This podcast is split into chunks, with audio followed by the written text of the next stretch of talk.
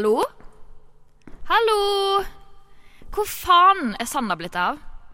Sist jeg så han, så skulle han bare ned en tur i arkivene og finne stoff til sendingen forrige uke.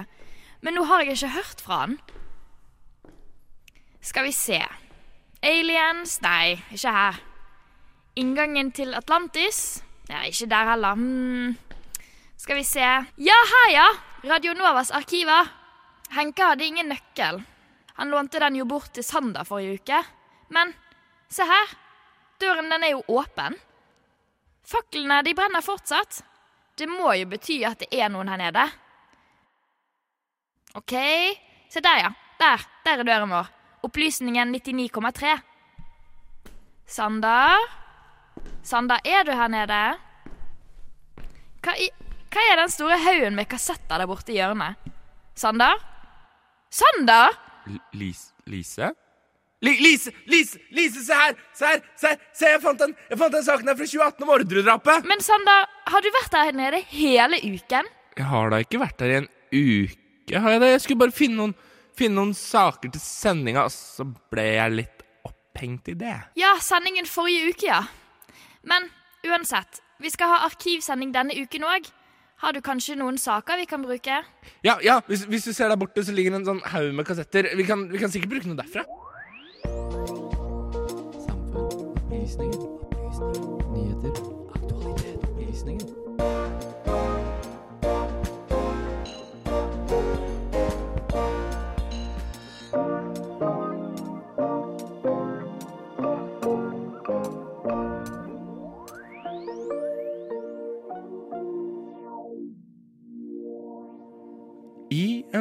Travel hverdag der eh, folk har eh, slikt å gjøre, slikt å føre, ja, da er det jo vanskelig å fylle en opplysningssending. Men vi har vært nede i arkivene og eh, funnet eh, litt eh, ymse ræl. Og det er det du får på kanalen den neste timen.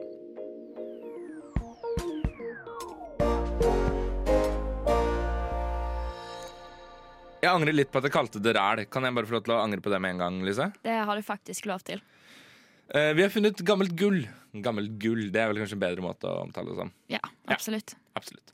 Hjertelig god fredagsmorgen. Du hører på Opplysningen her på eh, Radio Nova med din eh, faste kurator eh, Sander Zakaria, og i dag Lise Benus. Ja, det er meg! Hei.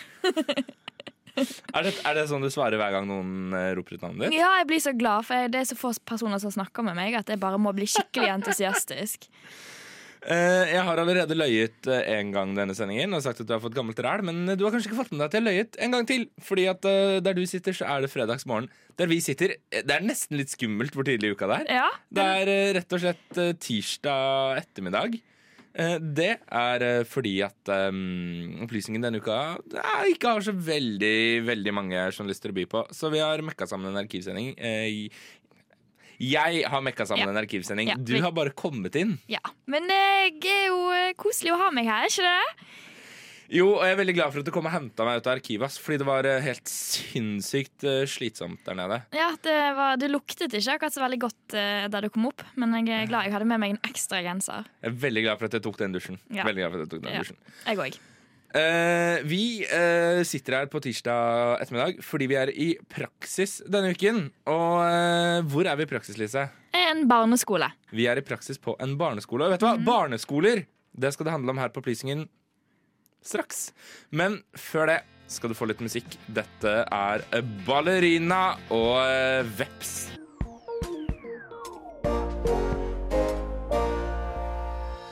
Lise, du er her fortsatt. Du har ikke gått ut av studio, selv om klokka nå begynner å nærme seg eh, to over halv seks på en tirsdag ettermiddag. Nei, det stemmer. Jeg har egentlig litt lyst til å stikke og spise middag, men jeg, skal må, må tross alt deale med deg litt grann til. Ja, fordi du fikk eh, kjøttbiter i eh, nudlene dine i dag. Ja, det, jeg trodde iallfall det var kjøttbiter. Men det var liksom, jeg klarte ikke å finne noe som helst beskrivelse på at det er kjøttbiter. For uh, vår kjære lytter der ute. Jeg spiser ikke kjøtt. Jeg er vegetarianer. Det vet jo vår kjære lytter som hørte forrige ukes uh, ja, men jeg podd. bare Ja. altså, setter strek under det, da. Ja, jeg det er liksom nesten hele personligheten min. Jeg er vegetarianer. Det er hele personligheten din. Men du Lise, nok om det. Eh, vi er jo i praksis på skole sammen. Det er vi. Og jeg må spørre deg, er det noe spesielt i klasserommet du liksom syns er litt rart? Eh, Vil du ha et hint? Eh, Det er, det er, Ja, jeg vil gjerne ha et hint. det er et veldig spesifikt jeg Ja, etter. fordi det var liksom eh, et veldig åpent spørsmål, da. Er det et verktøy du syns det er rart at vi jobber med? Eh, iPader. Helt riktig! Ja. iPader er jo innført i eh, den eh, norske skolen.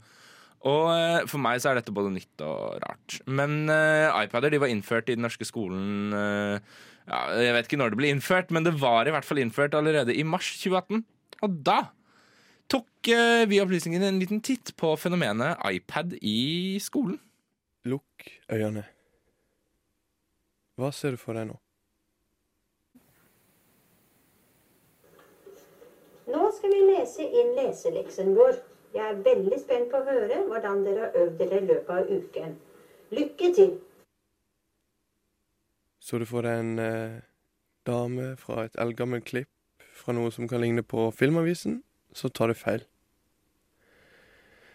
Dette klippet er nemlig helt verst, og tror du meg ikke på det, så kan du ta ordet til Steinar Sevje. Han er avdelingsleder ved Jung skole i Bærum.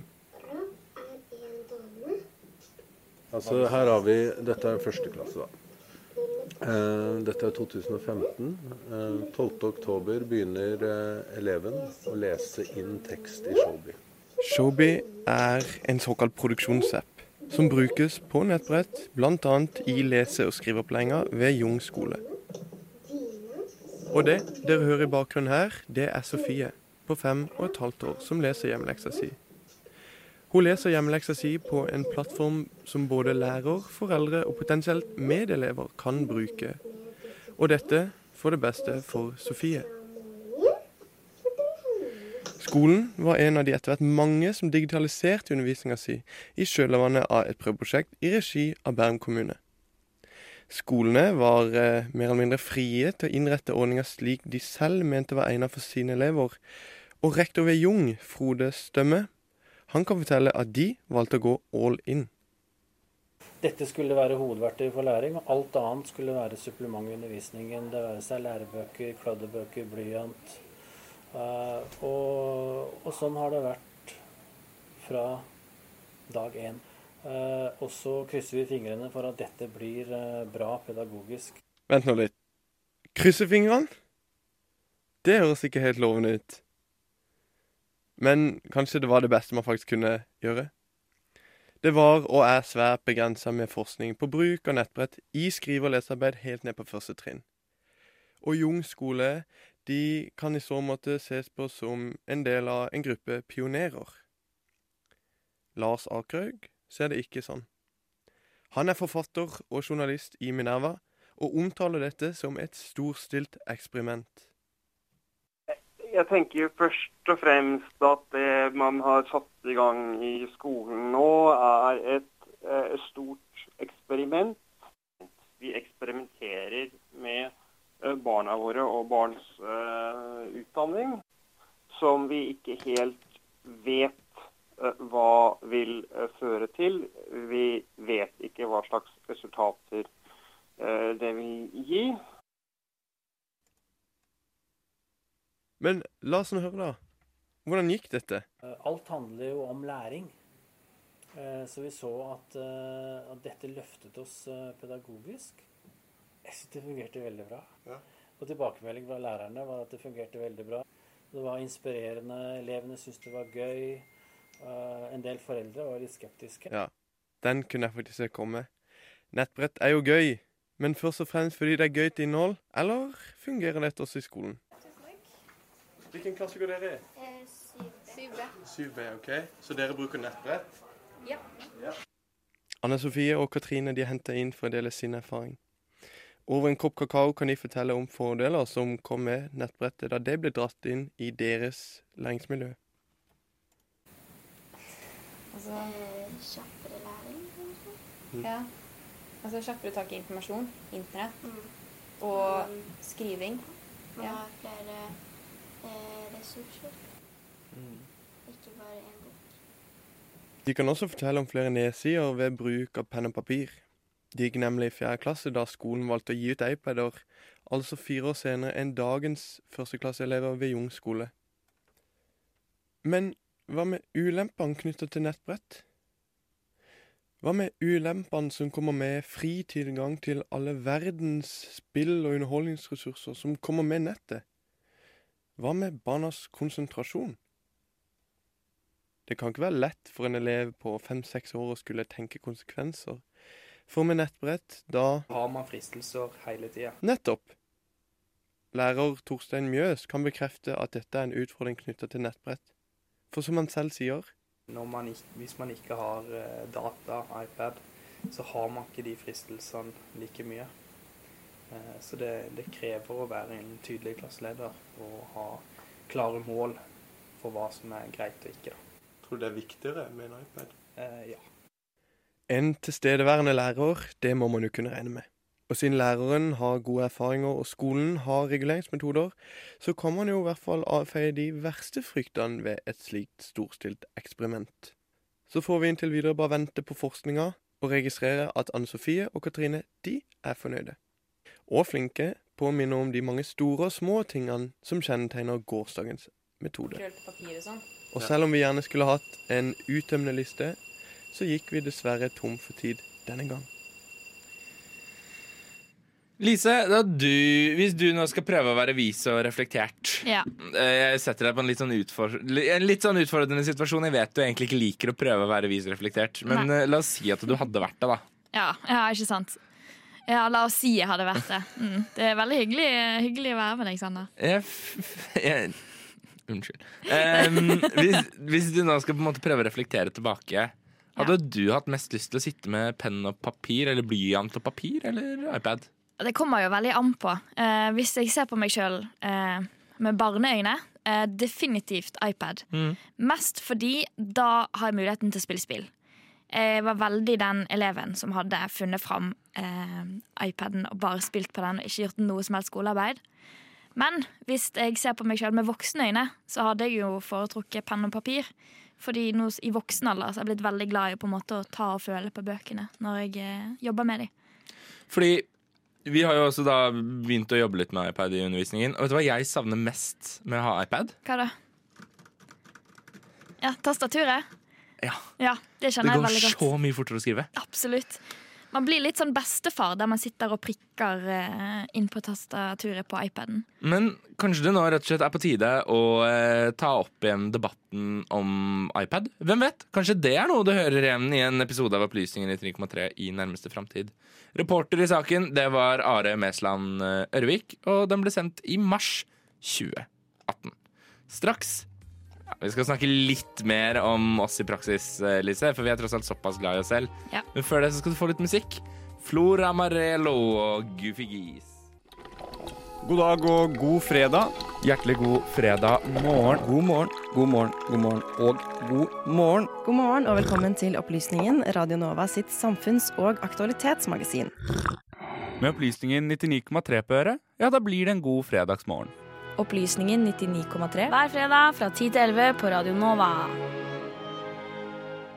Du måtte liksom nesten rive ned studio i løpet av låta her. Jeg måtte nesten det. Det er Opplysningen 99,3 du hører på, og eh, det er jeg i hvert fall veldig glad for. Eh, I dag så spiller vi jo gamle saker, Lise. Det gjør vi. Men det betyr ikke at vi ikke kan pakke dem inn på en ny måte. Nei, det er veldig sant. Eh, så jeg lurer på altså, Vi er som nevnt i praksis sammen. Jeg føler liksom jeg har dratt den der inn så veldig mange ganger nå. Ja, Men vi kan ikke dra det inn nok, tenker jeg. Nei, jeg skal dra det inn i alle andre stikk også. Eh, da må jeg nesten spørre deg. Ja. Lise, Mhm. Mari Skogheim Benus. Ja, Ut med hele navnet mitt. Ja. Ja. Hva er det første du gjør når du kommer på skolen? Tar meg en kopp kaffe. Du tar deg en kopp kaffe, ja? Ja, Mokkakaffe. En mokkakaffe? Mm. Ja, du liker ikke sånn ordentlig Nei, jeg liker ikke sånn ordentlig kaffe. Det må være litt sjokolade nedi der.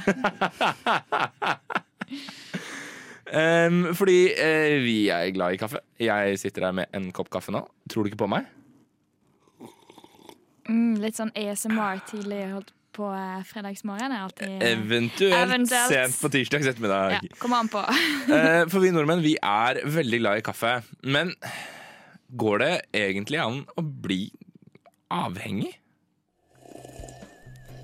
Nordmenn elsker kaffe.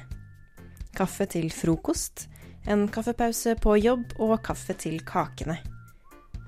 Kaffe har for mange blitt til noe mer enn kun en oppkvikkende drikk. Det har blitt til noe sosialt. et pusterom i hverdagen. Drikken er uten tvil blitt en godt integrert del av hverdagen for de aller fleste nordmenn, og nærmere syv av ti nordmenn drikker kaffe hver eneste dag, viser en undersøkelse gjort av Ipsos for Norsk Kaffeinformasjon. Men kan vi bli avhengige av kaffe? Og er det egentlig farlig for oss å konsumere drikken i de mengdene vi gjør i dag? Vi leser stadig skremmende overskrifter i samtlige nettaviser som advarer oss mot koffeinavhengighet, slik som Er du avhengig av kaffe? Dette gjør koffein med kroppen din. Derfor får du hodepine uten kaffe. Åtte skjulte farer ved koffeinavhengighet.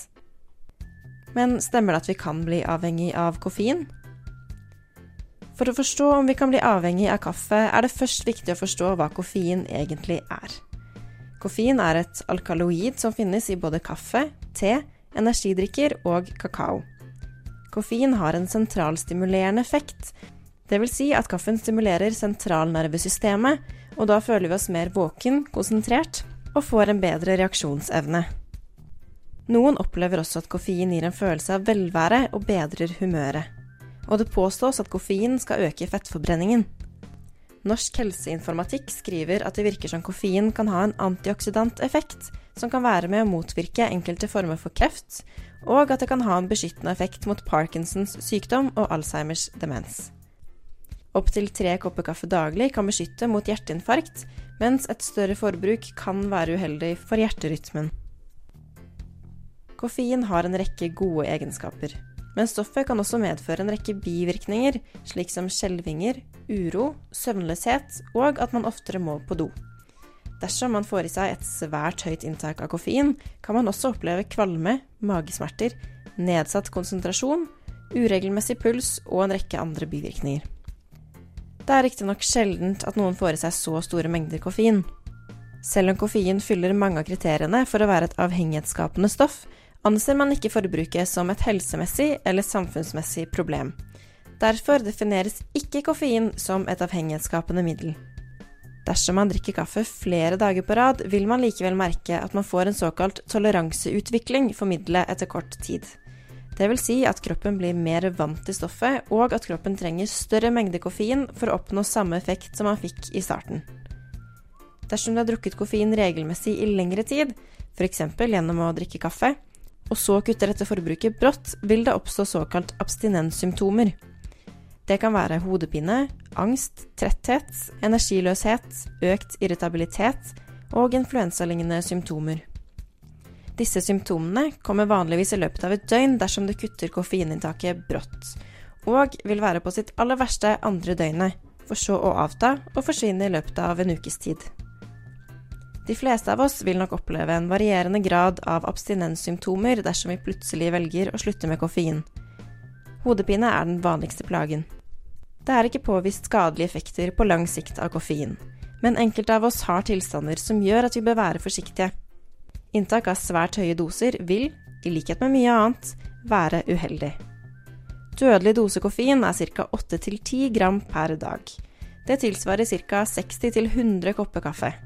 Heldigvis er det svært uvanlig å drikke så mye kaffe i løpet av en dag, så de fleste av oss kan nok drikke kaffen uten bekymring. Eh, Lise, eh, hva skjer med morgenkaffen din i morgen? Nei, der blir nok drukket den òg. Ja. Ja. Jeg liker at jeg også prøver å fremstille deg som en eller annen sånn koffeinavhengig faen. Jeg sitter her og drikker kaffe sjøl. Eh, reporter i saken, Anna Lea Thorseth Poppe. Og denne saken ja, den stammer fra mai det herrens år 2019. Straks skal vi til det verste stedet jeg kan eh, tenke meg å være.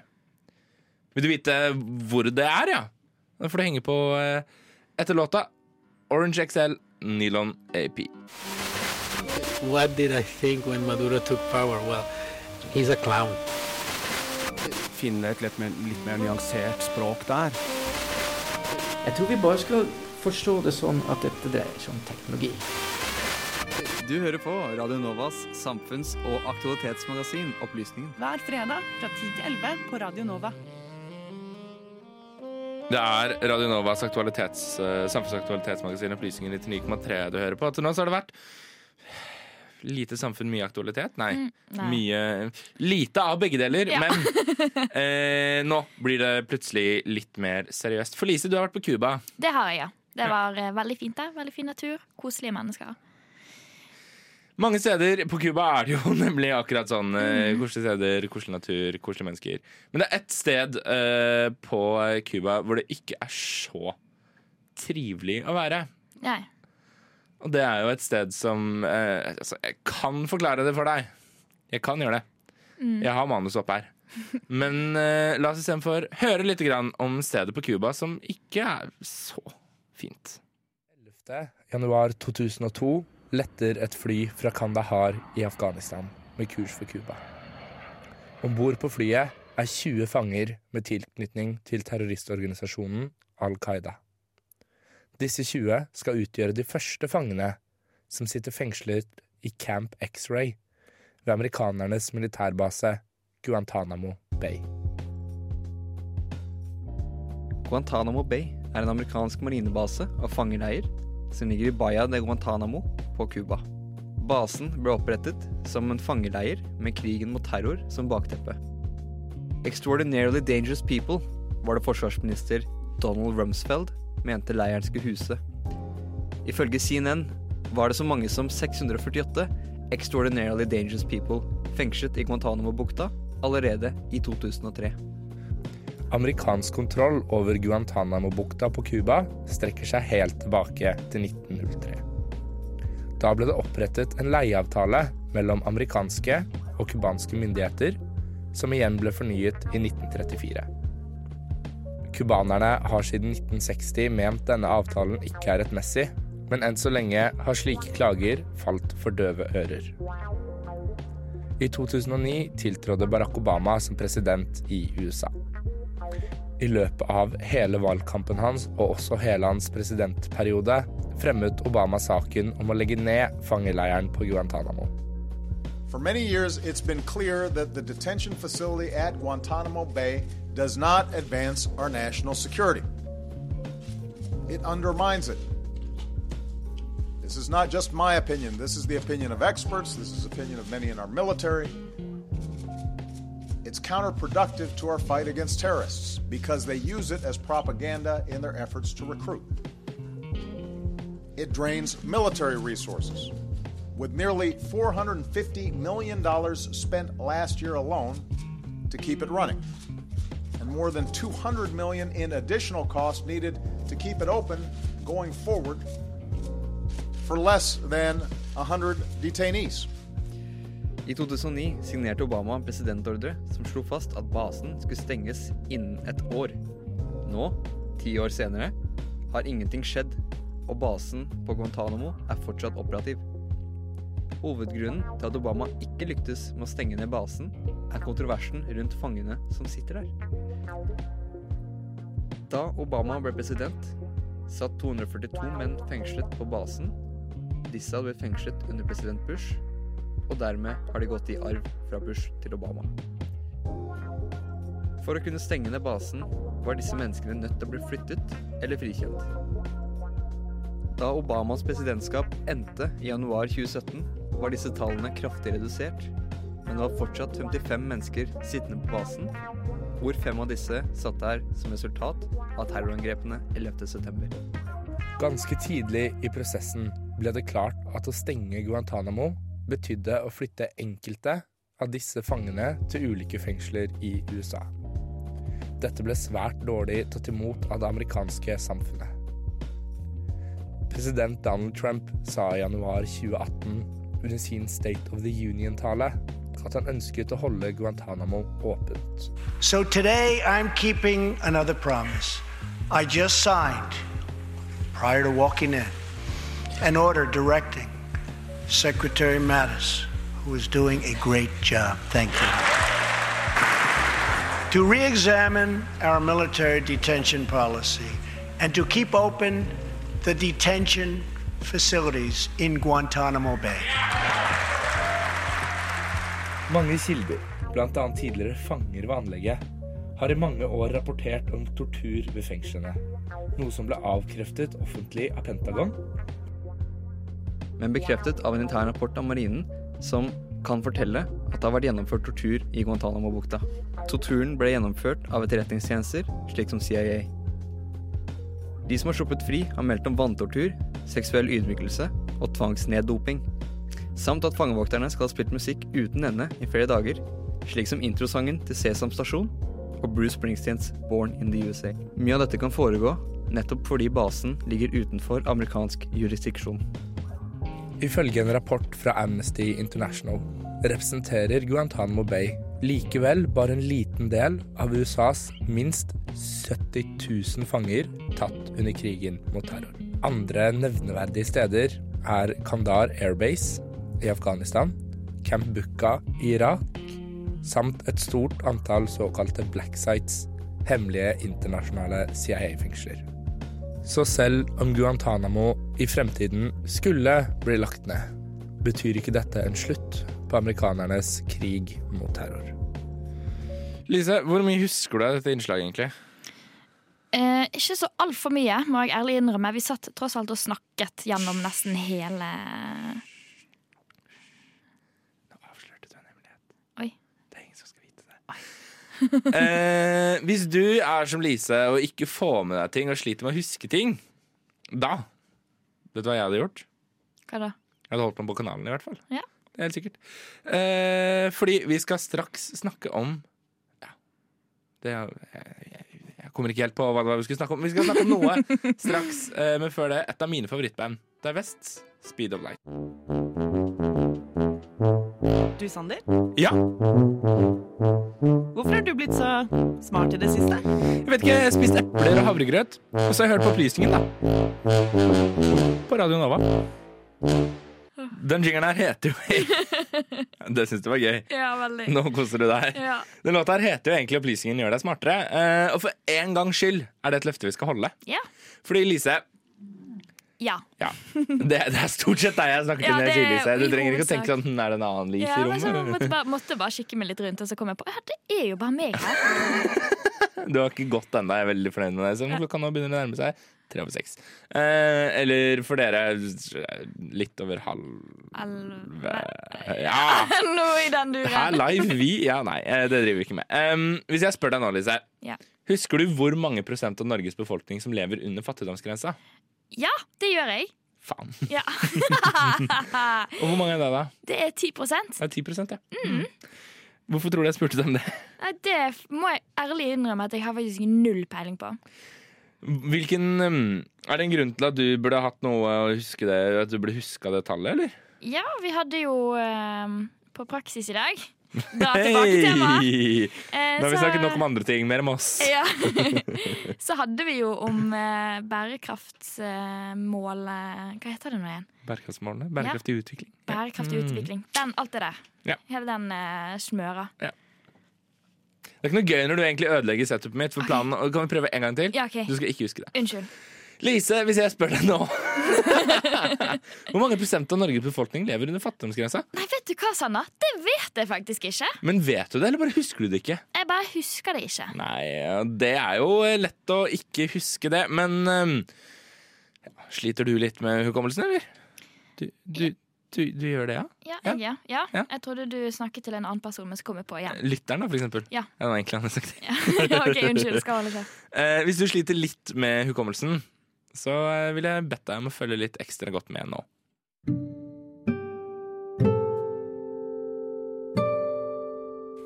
Nå skal jeg lære dere hvordan man kan huske bedre. Og så vil jeg bare si at den sørsudanske basketballspilleren Manut Bol, som døde i 2010, var 2 meter og 31 cm høy. For det tror jeg ikke dere klarer å huske. Ikke med mindre jeg sier det enda en gang, og så kanskje enda, enda en gang.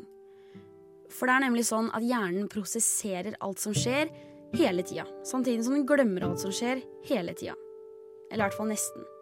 For hjernen den driver og kaster ut det den anser som uviktig informasjon.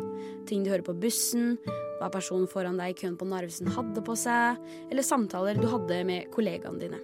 Mye av dette bare fyker rett gjennom. For fersk informasjon er skjør informasjon. Realiteten er at vi glemmer mye. Vi glemmer nesten alt, vi. Forskning viser at kun en time etter at vi har lært noe, så har vi allerede glemt 50% av det.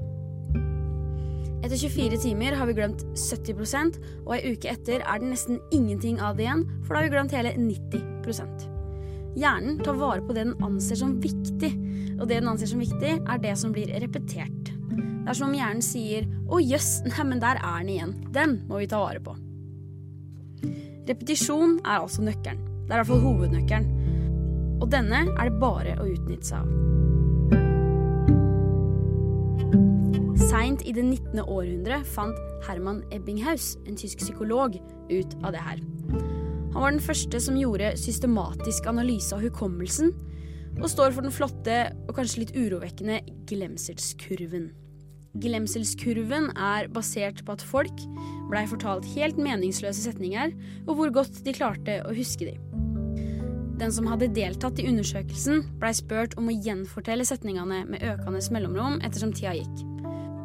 Kurven starta altså på 100% akkurat idet testobjektene blei fortalt setningene. Men så stuper den brått ettersom timene går. De første timene blir det meste glemt, og etter en måned husker de nesten ingenting, og grafen flater seg ut i de aller laveste prosentene.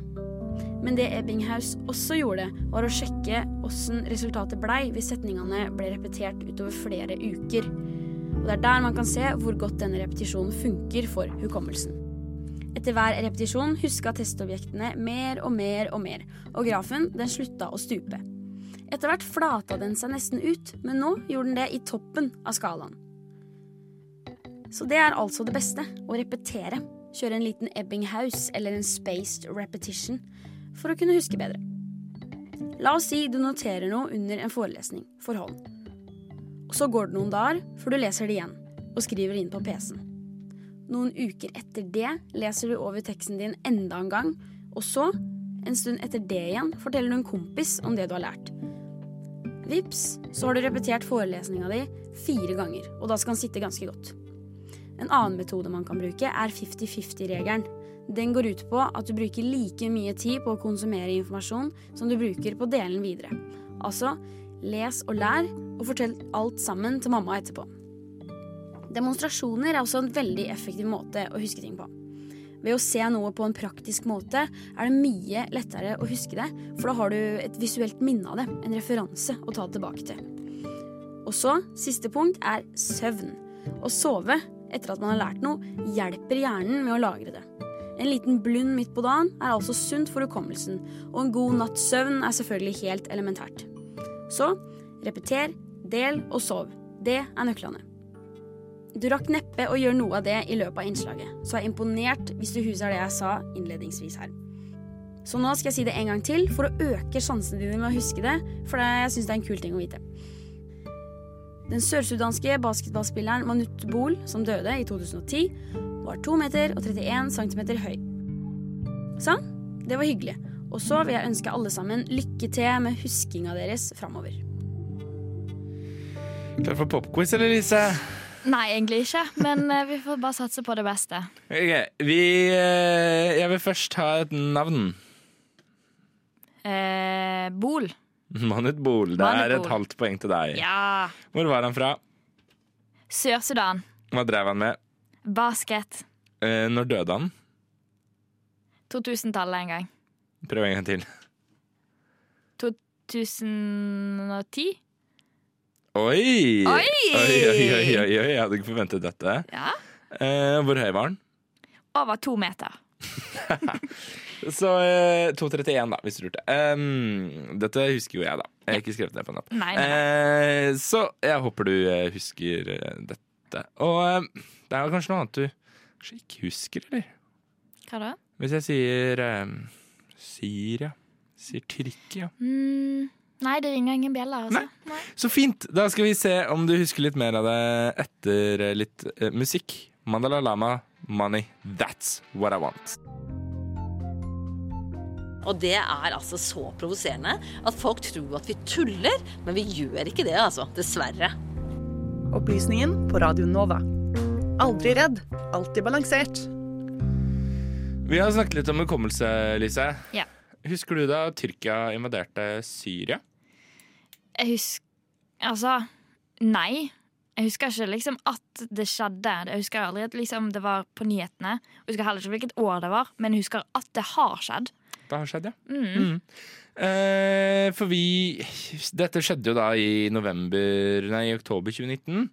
Ja. Og da tok vi en liten titt på Tyrkias eh, posisjon i det internasjonale samfunnet. Minst to sivile er drept i tyrkiske flyangrep nordøst i Syria, ifølge kurdiske styrker. For få timer siden bekreftet Tyrkias president at landet har startet et angrep mot kurderne nord i Syria, og det er meldt om eksplosjoner flere steder. Som vi hørte i dette klippet fra Dagsrevyen onsdag 9. oktober, har Tyrkia invadert områder i Nord-Syria. Tyrkias plassering mellom Europa og Asia har gitt landet en nøkkelrolle i forholdet mellom de to verdensdelene. Med Tyrkias aktive invasjon av Syria pågående, har vi tatt en titt på Tyrkias internasjonale forhold. Tyrkia og USA har hatt et eh, historisk turbulent forhold. Da Kamal Atatürk startet frigjøringskrigen på 1920-tallet, fikk han og tyrkerne våpen og annet militært eh, materiale av Sovjetunionen, som ønsket at landet skulle ta side med Sovjet. Grunnen til dette var det militært strategiske Bosporos-stredet som knytter Svartehavet sammen med Middelhavet, og som vil gi sovjeterne direkte tilgang til Middelhavet. Under mellomkrigstiden har landet et komplekst forhold, men etter andre verdenskrig ønsker USAs president Truman et bedre forhold til landet, for å ha flere allierte i kampen mot Sovjetunionen. Og i 1952 blir Tyrkia en del av forsvarsalliansen Nato. I tiden etter den kalde krigen har forholdet til landet derimot blitt mer komplekst. Tyrkia støttet USA i invasjonen av Afghanistan, som startet i 2001. Men da krigen i Irak startet i 2003, valgte tyrkerne å sitte på sidelinjen. Erdogans stadig mer autoritære styre har gjort forholdet mellom de to landene kjøligere. Noe vi ser i dag med Tyrkias angrep mot kurderne i Syria. USA støttet i tiden de var inne i Syria den kurdiske militsen, mens tyrkerne er imot kurderne. I en presseuttalelse etter Tyrkias invasjon sier president Donald Trump. Denne morgenen invaderte Tyrkia, et Nato-medlem, Syria. USA støtter ikke dette angrepet, og har gjort det klart overfor Tyrkia at operasjonen er en dårlig idé. Tyrkias forhold til Russland er også veldig komplisert. Tyrkias Nato-medlemskap og ønske om EU-medlemskap er noe russerne stiller seg kritisk til. Samtidig har Russland vært villige til å hjelpe Tyrkia med salg av våpen og annet militært utstyr, noe som igjen kompliserer forholdet til både USA og Nato. I flere år har Tyrkia forsøkt å få EU-medlemskap.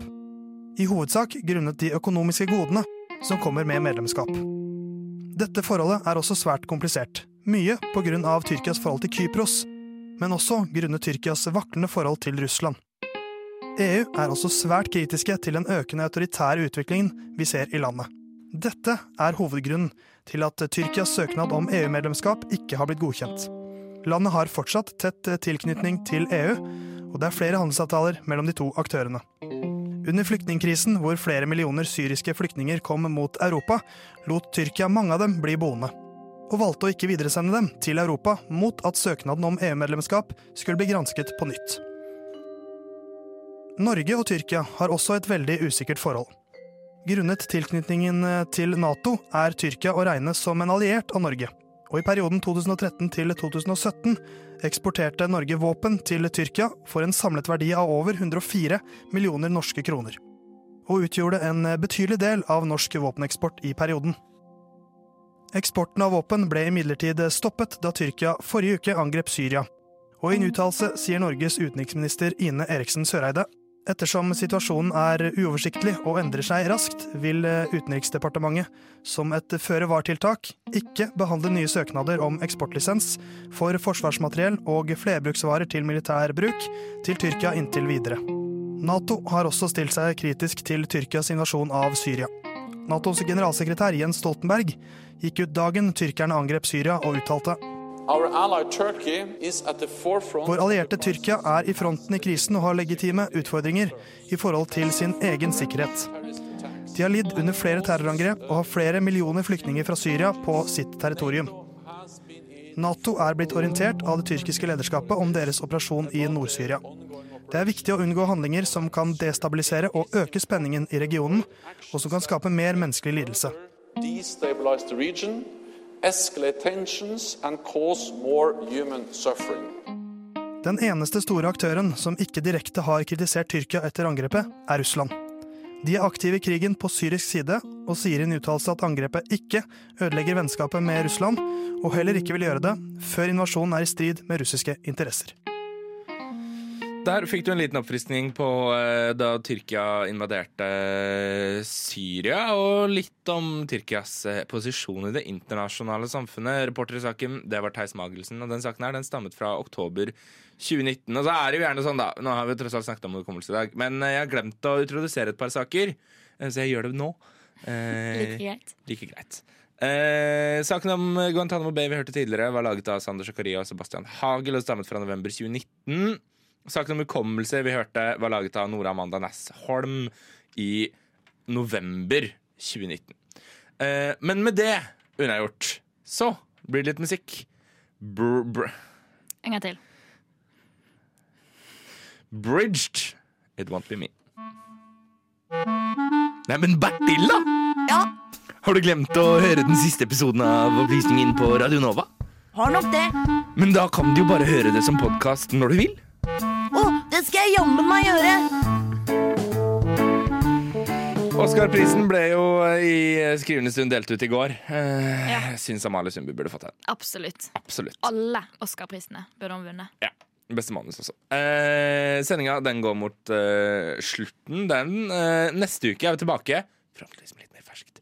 Ja. Eh, og så eh, gjenstår det jo da primært for meg å si at uh, medvirkende til denne ukens sending, det har vært uh, Are Mesland Ørnevik, uh, Anna Lea Thorseth Poppe, Sander Zakaria, Sebastian Hagel og Nora Amanda Næss Holm. Og Theis Magelsen. Da var vi gjennom hele lista. Med meg i studio så har jeg hatt nydelige, nydelige, fantastisk gode, varme, skjønne, snille Ja, fortsett, fortsett. Jeg bare prøver å gjøre opp for den tiden du nå har tapt på å sitte her i studio med meg. Lise Bennus, Unnskyld meg. Ja. ja. Nei, det har vært du veldig har Du koselig. kasta bort tiden med meg i dag. Unnskyld. Vet du hva? Jeg likte deg mye bedre når du komplimenterte meg. Jeg bare Syns jeg kan fortsette med det, jeg. Eh, noe du, kjære lytter, kan fortsette med, det er å eh, bli på kanalen. For etter det så kommer Studentnyhetene, og de skal snakke om hvordan det er å være utvekslingsstudent i Oslo. Og så skal de snakke litt grann om hva studentene kan gjøre for å hjelpe ukrainske flyktninger. Og Bjørn Olav Østby kommer på besøk. Og han eh, stiller til leder for NSO. Vet du hva NSO er? Nei. Det gjør ikke jeg heller. Jeg håper Studentnyhetene forklarer det. De kommer i hvert fall på kanalen eh, etter oss. Håper vi er tilbake neste uke med litt ferskt innhold. Dette har vært Radionovas Radio Novas arkivsending med Sander Zakaria og Lise Benus. Du Du Du hø hører på. på Radio Nova.